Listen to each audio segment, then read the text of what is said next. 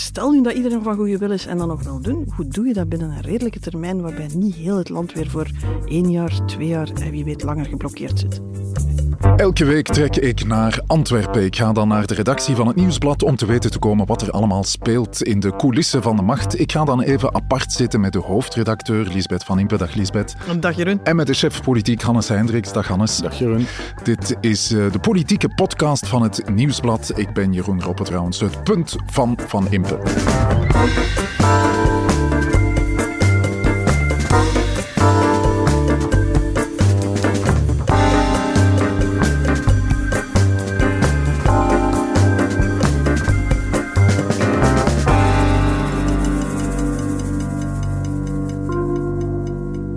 Ik heb mijn week eh, grotendeels doorgebracht in Brussel. Lisbeth, ik neem aan, jij in Antwerpen. Grotendeels wel ook wel in een, een gracht aan het parcours van de Omloop het Nieuwsblad. natuurlijk. Ah ja, Het is die tijd van Oei. het jaar, Jeroen. Hadden ze zoveel gedronken? Rechtop staand Ah, in de modder om de coureurs te zien passeren, alles. dus, nee, ik, eh, ik was Bob, dus ik had eh, Ja. niet of nauwelijks gedronken. Hannes eh, die koos voor eh, Kiev, de hoofdstad van Oekraïne. Ja. Hoe was het daar, Hannes? Een beetje bevreemdend, eh, want eh, ja, het is uiteraard een, een land in oorlog. Maar in Kiev zelf merk je daar niet zo heel veel van. Ja, en daar kwam ook nog bij dat we in de Europese bubbel daartoe kwamen. Heb je veel Oekraïners kunnen ontmoeten? Eh, nee, eigenlijk niet zo heel veel. Nee. Eh, wel wat soldaten gezien, uiteraard. En eh, ja, wel wat Oekraïnse pers, daar heb ik wel mee gesproken. En natuurlijk eh, president Zelensky. Ja. Heeft hij een indruk op jou gemaakt? Ehm, De vraag is meer welke indruk dat Hannes op eh, president Zelensky gemaakt heeft. Dat heeft hem bijna overhoop gelopen. Daarvoor moet je Ja, naar onze hoezo? podcast Insider ja, luisteren. inderdaad. Ja, ja. Maar bon, alle grootheidswaanzin op een eh, stokje. Ja, nee, ik heb eh, inderdaad geluisterd naar de Insider eh, over je reis. Je zat er samen op de trein met Ursula von der Leyen, Ja, heb ik begrepen. inderdaad. En eh, Giorgia Meloni, Italiaans premier ook, en Justin Trudeau ook. Ehm, ja, dat was een iets wat eh, bizarre ervaring. Vooral ook omdat de trein een uur vertraging had, omdat eh, Meloni per se wou gaan eten in het, eh, in het centrum van Kiev. Dus toch wel een iets wat gekke ervaring. Eh, Von der Leyen, die had Italianen blijven ja, Italianen. Von der Leyen was dan iets efficiënter. Ja, ze is Duits natuurlijk. Duitsers blijven Duitsers. Voilà, die had een aparte firma eten laten brengen, omdat ze het eten op de trein toch niet zo kon pruimen. Dus voilà. En ik begrijp dat jij voor de wijn gezorgd had. Eh, ja, ik heb een... eh, ik wist niet of je dat nu moest vertellen, maar boy, ik heb inderdaad een, een nachtwinkel in Kiev, want die hebben ze daar ook eh, bezocht om een aantal flessen wijn eh, mee te brengen, om te delen hè, met de delegatie. Op de nachttrein, ja. Duidelijkheid, ja. Oké, we hebben het straks over eh, onze defensiebijdrage. We maken ook een punt vandaag over de verkiezingscampagne in ons land met eh, Sophie Wilmes, die zich opwerpt als eh, kandidaat premier, en met eh, Bart de Wever, die eh, absoluut in een eh, federale regering wil en een meerderheid met het Vlaams Belang ook niet uitsluit op eh, Vlaams niveau. Maar eh, daar hebben we het zo meteen over. De tournee Mineral die zit er bijna op. Ik heb een Finzi uit eh, Brussel meegebracht. Finzi is een alcoholvrije, eh, met de hand gefermenteerde aperitiefdrank uit Sint-Joost. Op een nieuw punt van Van Impe. In een democratie zou het eerste moeten zijn: ik respecteer de democratie, punt. En niet ik respecteer ze mits dat jij toegeeft aan alles wat ik wil. Dat kan toch gewoon niet wat ik hier heb gehoord. En toch wordt het gezegd. Vlaams Belang.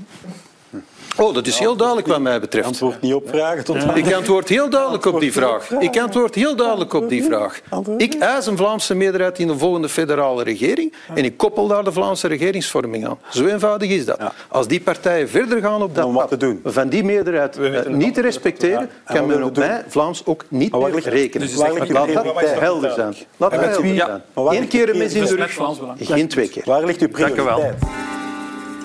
Bart de Wever, de voorzitter van NVA, hoorde je in een debat onder voorzitters, een eh, debat van KNAK. En hij deed daar eh, een opmerkelijke uitspraak. Ja, wat zegt hij eigenlijk, eh, Lisbeth? Hij zegt, we willen absoluut een Vlaamse meerderheid op federaal niveau.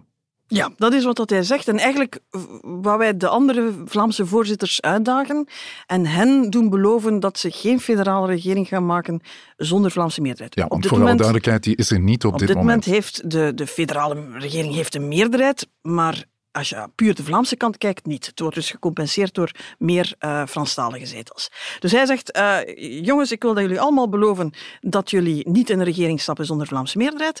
En eigenlijk is dat code van, ik wil dat jullie allemaal beloven dat jullie niet in de regering stappen zonder mij. Ja, want wellicht komt er geen Vlaamse meerderheid federaal zonder N-VA. Geraak je er gewoon niet aan. Je kan nog proberen met een rekenmachientje andere meerderheden te maken, maar op dit moment een, een, een meerderheid in een federale regering aan Vlaamse kant, dat zal met de N-VA moeten zijn. Dus... Ik vind het altijd zo gek dat hij dat zegt, uh, terwijl hij zelf een regering Michel zonder Franstalige meerderheid heeft bestuurd. Dus dan was dat geen probleem. Geldt het maar langs één kant. Uh... Is een Vlaams nationalist. In die zin is het wel een beetje consequent dat hij zegt van de Vlamingen moeten wat meer meegeven. Maar ja. ja. er staat nergens geschreven dat de federale regering een meerderheid moet hebben aan beide kanten. Maar goed, uh, op dit moment is dat hoe het debat er gezet wordt. Ja, kan hij dat eisen, zoiets, een Vlaamse meerderheid op federaal niveau? Wel, ik kan dat proberen eisen. De vraag is of andere partijen daarin meegaan, want inderdaad, het is gewoon niet nodig. Maar nu werpt um, Bart de Wever dat gewoon in de strijd, omdat hij er per se wil bij zijn. Eigenlijk zet het de wanhoop van de Wever extra in de verf. Dat is um, waar.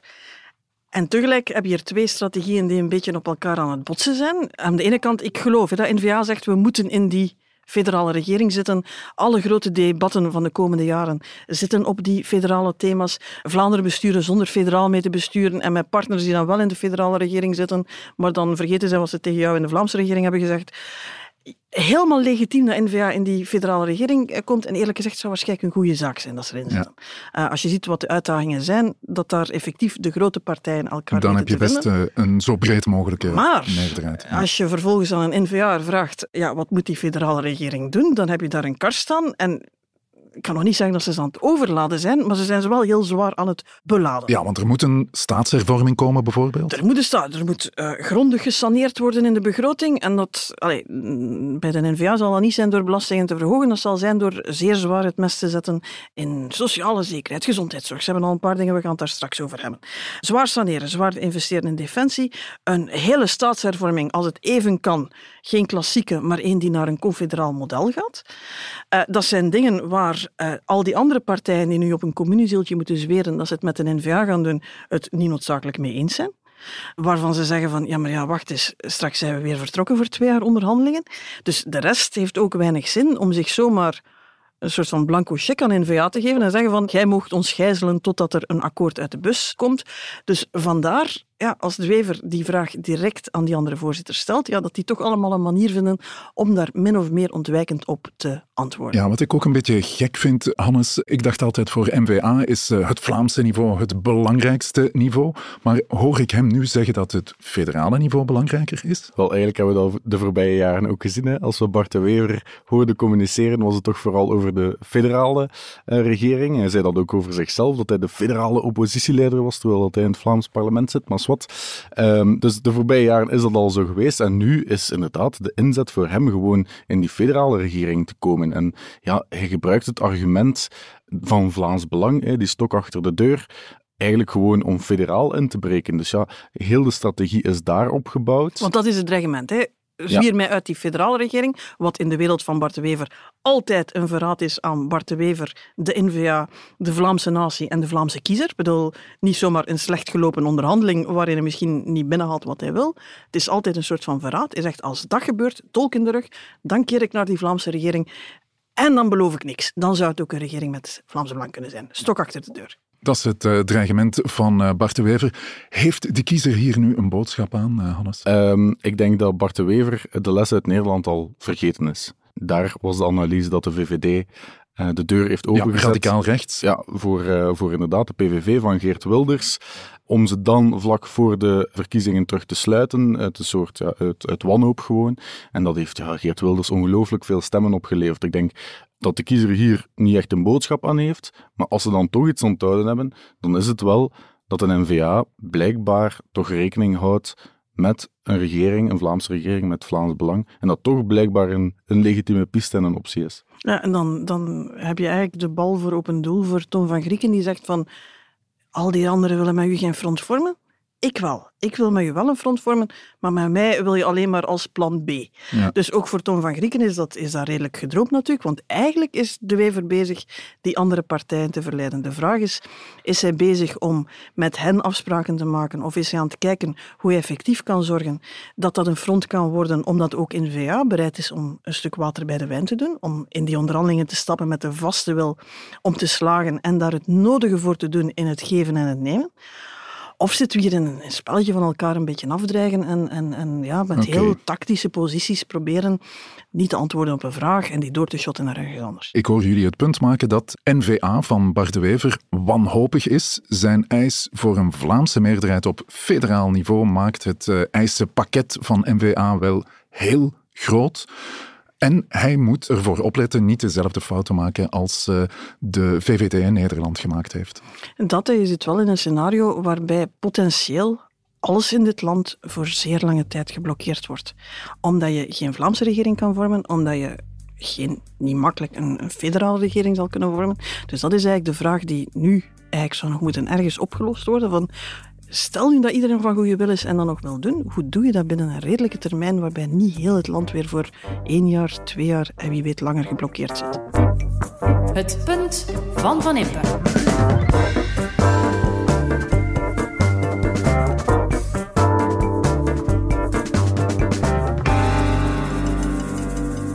De punt is dat ik denk, eerlijk eh, gezegd, dat eh, u, u mag niet echt kandidaat zijn om premier te zijn. Als er wordt gevraagd aan iemand om premier te worden, hij moet de keus maken om dat te aanvaarden of niet.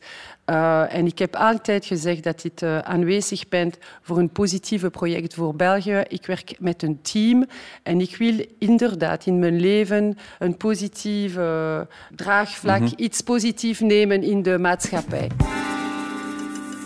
We zitten op een maand of drie van de verkiezingen en de lijsten voor die verkiezingen die raken stilaan rond. Er zitten wel wat verrassingen bij. We waren bijvoorbeeld heel erg verrast toen Charles Michel eh, zei dat hij de MR-lijst voor de Europese verkiezingen zou trekken. Yep, en nog eens toen hij dan En zei dat hij dat dan toch niet ging doen.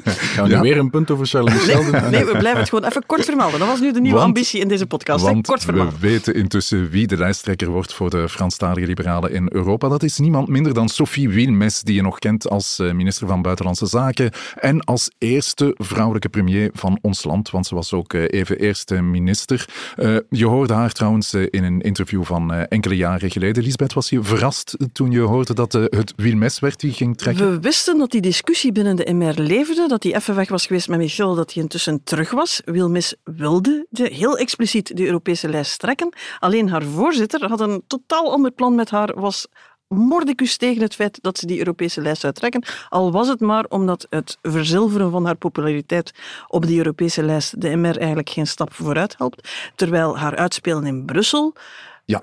Voor de partij echt wel een gouden kans had kunnen Ja, zijn. daar Dus- zou ze heel wat zetels kunnen opleveren. Want Sophie Wilmes zij is bijzonder eh, populair, zeker in Brussel. Hè? Ja, inderdaad. Ze is de eerste vrouwelijke premier van ons land. Hè. Ehm, dus daardoor is ze heel bekend geworden, terwijl ze eigenlijk daarvoor niet zo een heel belangrijke post had. Allee, bon, zo was ze... Dus ze, eh, ze zijn ze gaan halen in de gemeenteraad van, van Ah, wel, ja, ze is dan wel, ongeveer. wel minister van Begroting geweest, even, maar Ja. bon, eh, zeker in Vlaanderen was, die, was dat echt een nobele onbekende.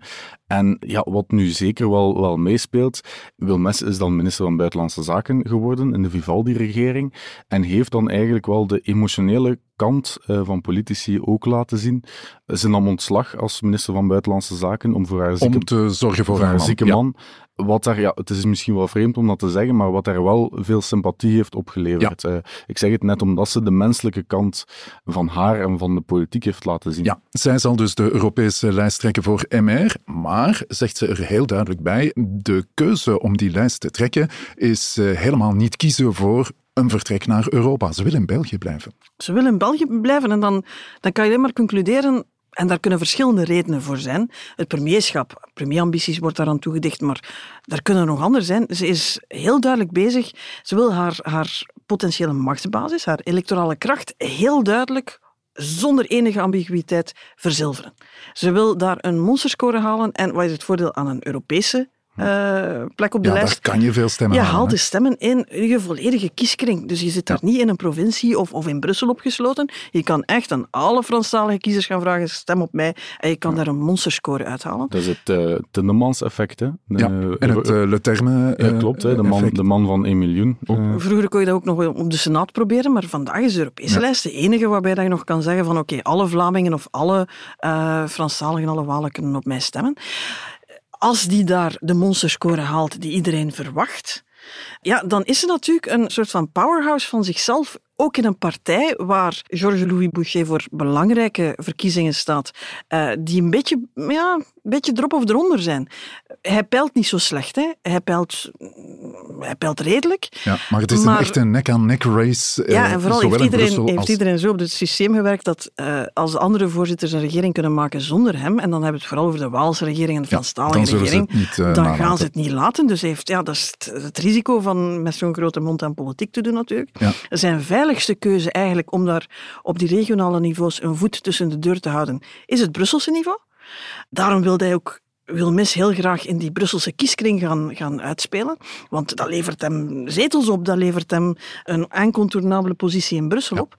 Ja, dat is zijn voet tussen de deur, maar wil Mis het daar in Europa en riskeert zeer zichtbaar, zeer expliciet, veel populairder dan hij zelf te zijn uh, op verkiezingsavond. Ja, Dus ik hoor het. Wilmes is kandidaat premier. Ik dacht trouwens dat uh, Georges-Louis Boucher uh, zelf ook heel graag premier van België zou willen worden. Ja, dat klopt. Hè. Dat heeft hij ook al, al uitgesproken. Dat, hij ook, ehm, ja, dat dat ook zijn ambitie is om in de 16 terecht te komen.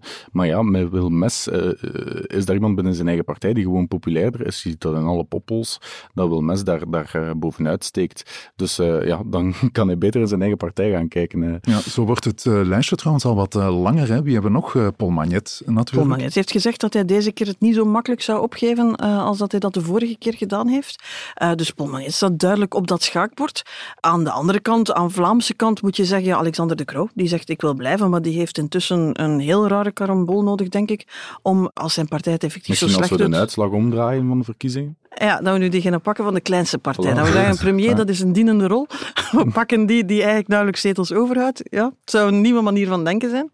Uh, Bart de Wever heeft gezegd dat hij het wil doen. Altijd met een korrel zout te nemen, want burgemeester van Antwerpen blijft toch absoluut zijn politieke droomjob. Maar je kan het nooit weten. Uh, Theo Franken is met uh, Bart de Wever nu zelfs in het Frans aan het leuren om te zeggen, hij wil het echt en hij gaat België niet afschaffen. Dus je hebt wel een aantal kandidaten en het goede nieuws is dat er eigenlijk wel sterke politici tussen zitten. Het is niet meer zo van, ja, niemand wil eigenlijk en we gaan ze die moeten pakken die op het einde ja, het wil doen. Uh, we zitten nu echt wel met de, de, de toppers die zeggen dat ze kandidaat zijn. Ja, uh, Sophie Wilmes, en dat is het uh, tweede punt van vandaag, trekt de Europese lijst voor de MR. En zij maakt daarmee haar premier-ambities duidelijk en wint daarmee ook het pleit binnen de MR van Georges-Louis Boucher.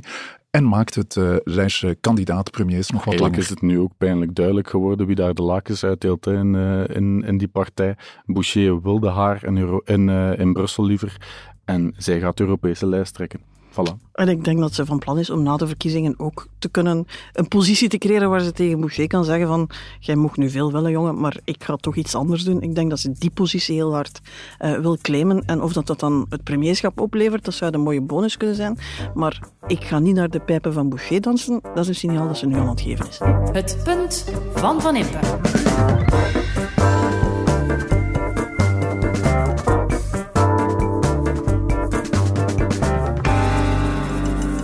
Plan was van 2% naar 2035 naar de 2%. Terwijl wat we beloofd hebben, die Roepo heeft dat getekend in 2014.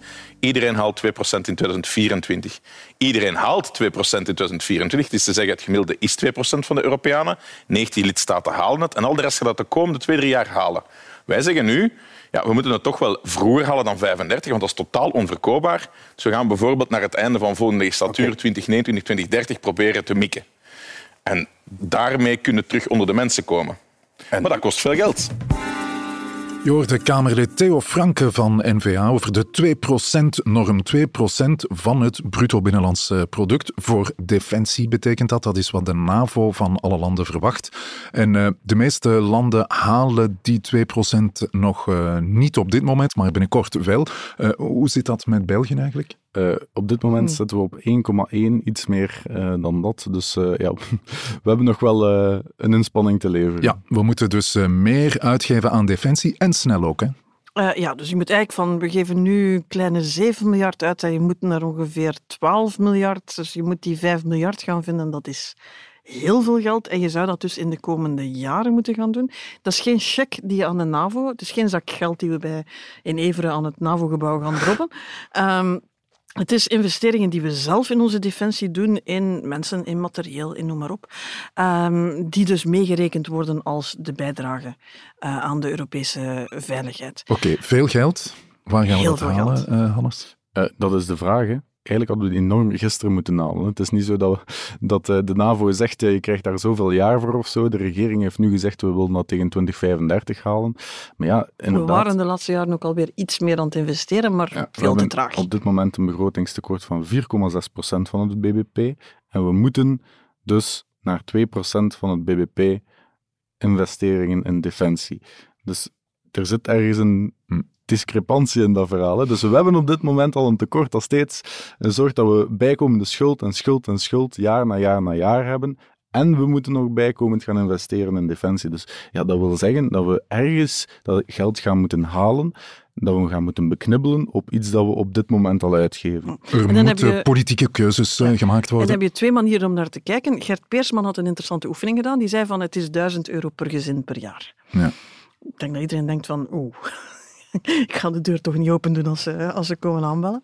Je hebt een andere manier om het te doen en dat is de, de, het pad dat onder andere Theo Franken kiest. Uh, pad waar ook Vlaams Belang al op zat. Kunnen we zo'n paar dingen uh, definiëren die de mensen niet de stuipen op het lijf uh, jaagt. En dus dan, dan krijg je, uh, we geven 1 miljard aan asielopvang, we geven 2 miljard aan ontwikkelingssamenwerking. Er werden nog een paar dingen bijgesmeten.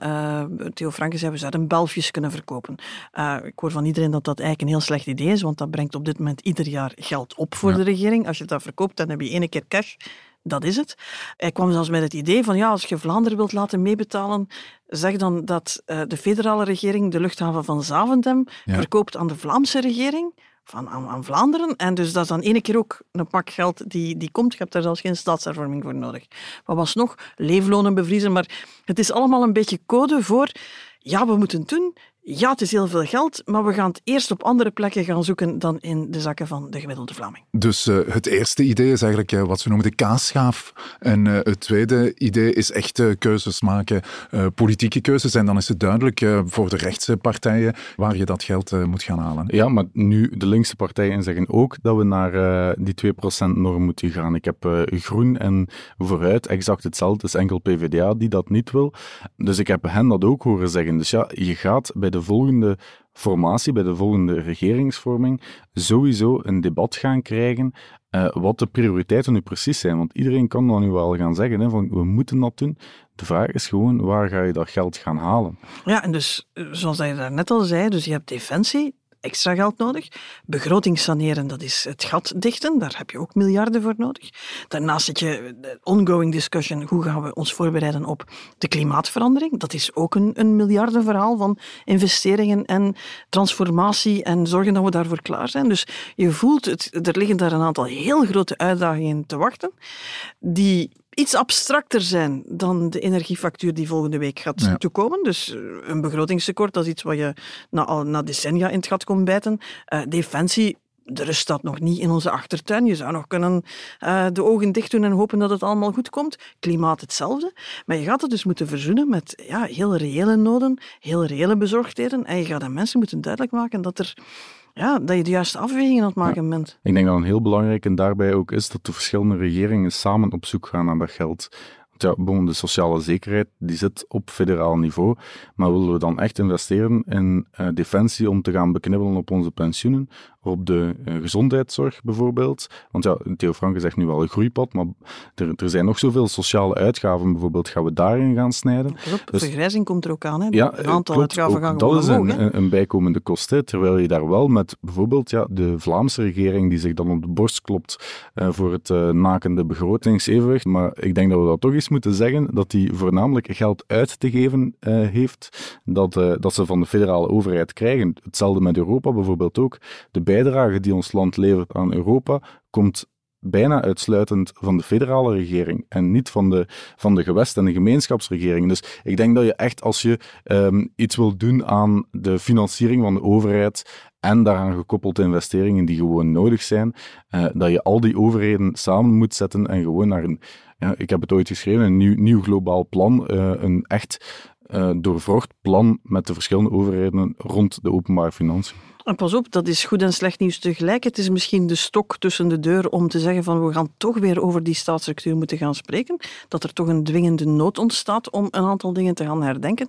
Alleen voel je wel aan je water dat dat een staatshervorming dan is of een, of een discussie waar niet te veel heilige huisjes gaan mogen zijn en waar dat je ja, een aantal dingen fundamenteel gaat moeten in vraag stellen. Ik zie op dit punt maar één groot voordeel. Het gaat politiek vandaag er wordt soms gezegd, politiek is frivol en het is een subsidie voor iemand die met cavia's wil gaan wandelen en het is een, een, een, een onnozel plannetje daar en, en een, een voorstelletje hier. Politiek in de komende jaren zal gaan over de essentie zal gaan over de grote keuzes. zal gaan over eigenlijk het sociaal contract dat ons bindt. Wat verwachten wij van een overheid? Wat mag een overheid van ons vragen? Je gaat straks kunnen Kennedy terug van stal halen als de dreiging nog wat reëler en concreter wordt. En dus dat is een interessant politiek debat. Gaan kijken... Ah, waar zit dat evenwicht? Waar vragen we het van? En degene die zeggen van uh, je gaat alles in de sociale zekerheid moeten gaan doen, ja, dat gaat niet werken. Degene die zeggen van, ja, maar ja, je mocht zeker ook niet, allez, noem maar van vermogenswinstbelastingen tot fiscale hervormingen, tot efficiënties in de sociale zekerheid en de gezondheidszorg. Ze gaan allemaal op tafel moeten komen. Ja, een heel helder eh, punt is dat om die 2%-norm te halen, zal België snel veel meer eh, geld aan defensie moeten uitgeven. En dat, uh, dat doen we best met een globaal plan waar alle overheden in dit land samen uh, aan werken. En dan zullen er fundamentele politieke keuzes moeten worden gemaakt. En je zal de mensen daar moeten in meepakken. Je gaat dat niet zomaar boven de hoofden van alles en iedereen kunnen doen. Je gaat moeten zorgen dat je daar een draagvlak voor krijgt in je samenleving. Het punt van Van Impe.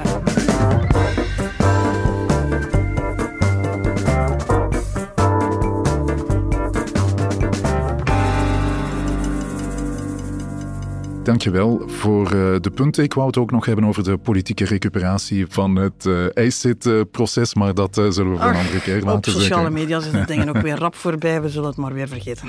Ja, de punten zijn gemaakt en de tournee Mineral die zit er helemaal op na deze frenzy uit Brussel. Een lekkere ginger beer-achtige ja. aperitief, bijzonder Goeie limonade.